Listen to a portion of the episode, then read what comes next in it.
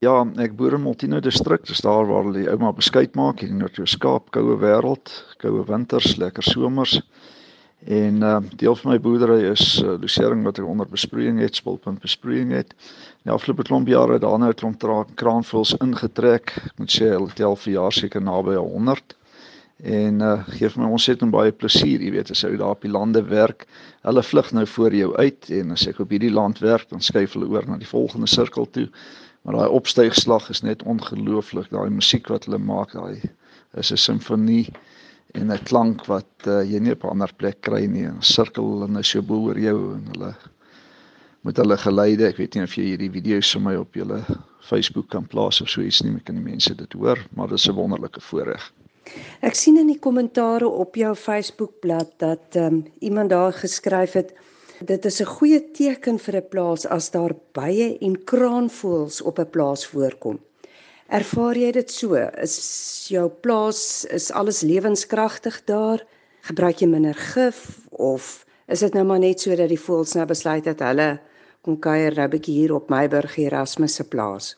Mariska, ja, ek probeer om uh, te boer sonder gif en sonder onnatuurlike goed. Ek laat alles in vrede op my plaas. Ek jag nie op my plaas nie. Ek uh, alles word in vrede gelos.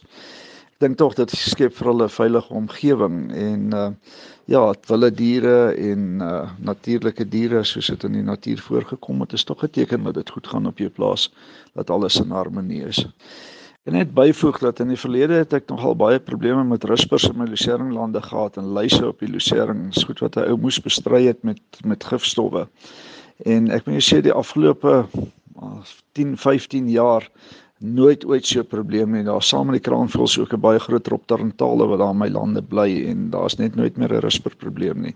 Dis nou interessant dat jy hierdie sê want daar's mense wat sê blou kraanvoëls en tarntale en so aan veroorsaak baie skade want hulle eet die sade, hulle eet lucerne. Daar's selfs mense wat voorstel dat mense hulle wegjaag, hulle skiet. Maar heeltemal verdryf van die plaas want hulle is in kompetisie met die gewas wat jy verbou. So jy beleef dit teenoorgestelde dat die bloukraanvoël is eintlik jou pestbestryder. Ek was aanvanklik ook baie bekommerd geweest dat hulle my saad wat ek in die grond sit gaan uitgrawe.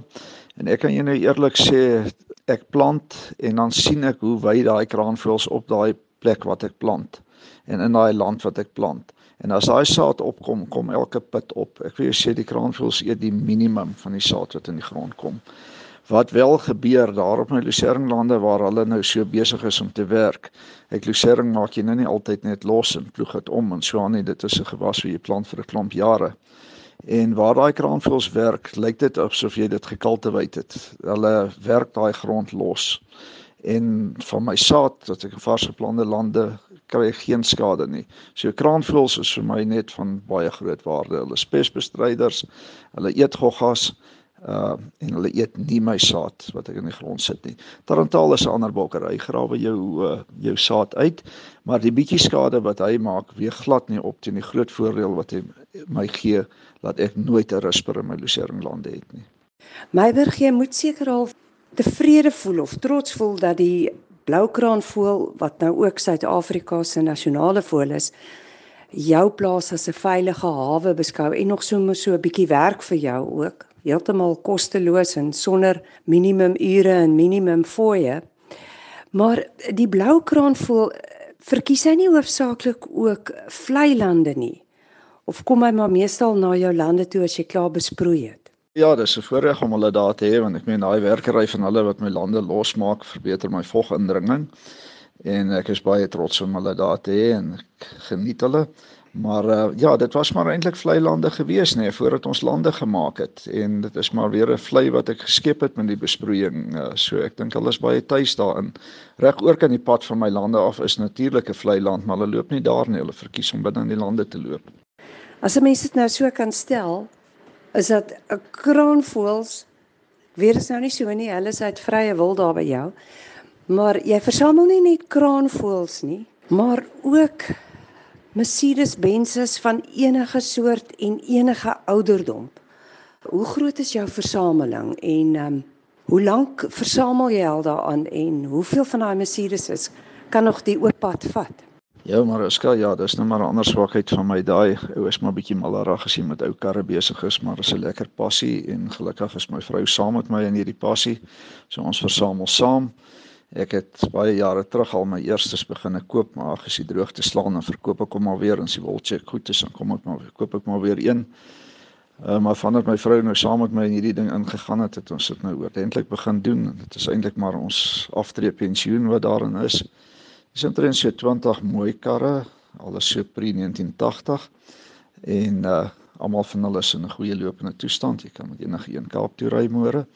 En dan is daar ook maar 'n scrapyard van parte en wrakke en goed wat 'n ou dalk eendag nodig gaan hê en goed wat jy dalk nog wil opbou en planne het om op te bou, maar dit is 'n baie lekker passie.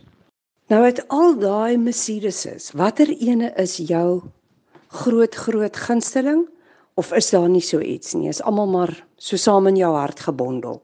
Die karre is lekker uh en dit is mooi en dit is goed en ons is lief vir hulle maar wie die mense wat ons saam met die karre ontmoet as ons 'n kar gaan koop, dit raak ons vriende. Die mense in die klap raak ons vriende, maar elke kar het 'n besonderse storie. En uh so die mense in die kar loop saam. Ons het een in 1966 Vintel wat ons by Dominee Erik Verviers gekoop het. Uh, hy's voor in die predikant op Aberdeen gewees. Ag, en daai kar het vir ons baie besonderse sentiment.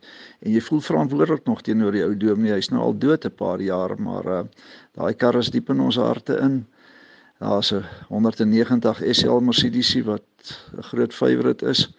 Maar ek moet jou sê, ek dink een van my karre wat ek die voorliefste gaan raak is 'n 1967 uh, Jaguar Merc 2 3.8 Uh so daar's lewe na Mercedes ook, maar Mercedes bly maar nommer 1.